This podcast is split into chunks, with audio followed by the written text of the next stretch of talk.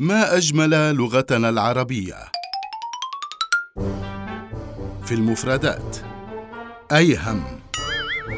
أيهم اسم علم مذكر ولكن ماذا تعني؟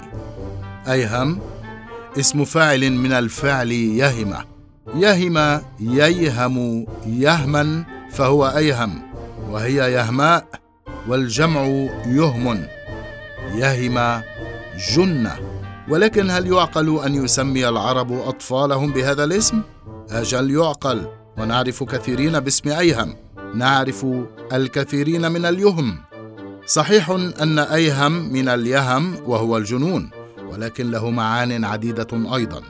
منها المصاب في عقله عديم الفهم الأصم الذي لا يسمع ولكن الشامخ من الجبال هو أيهم. الجريء أيهم.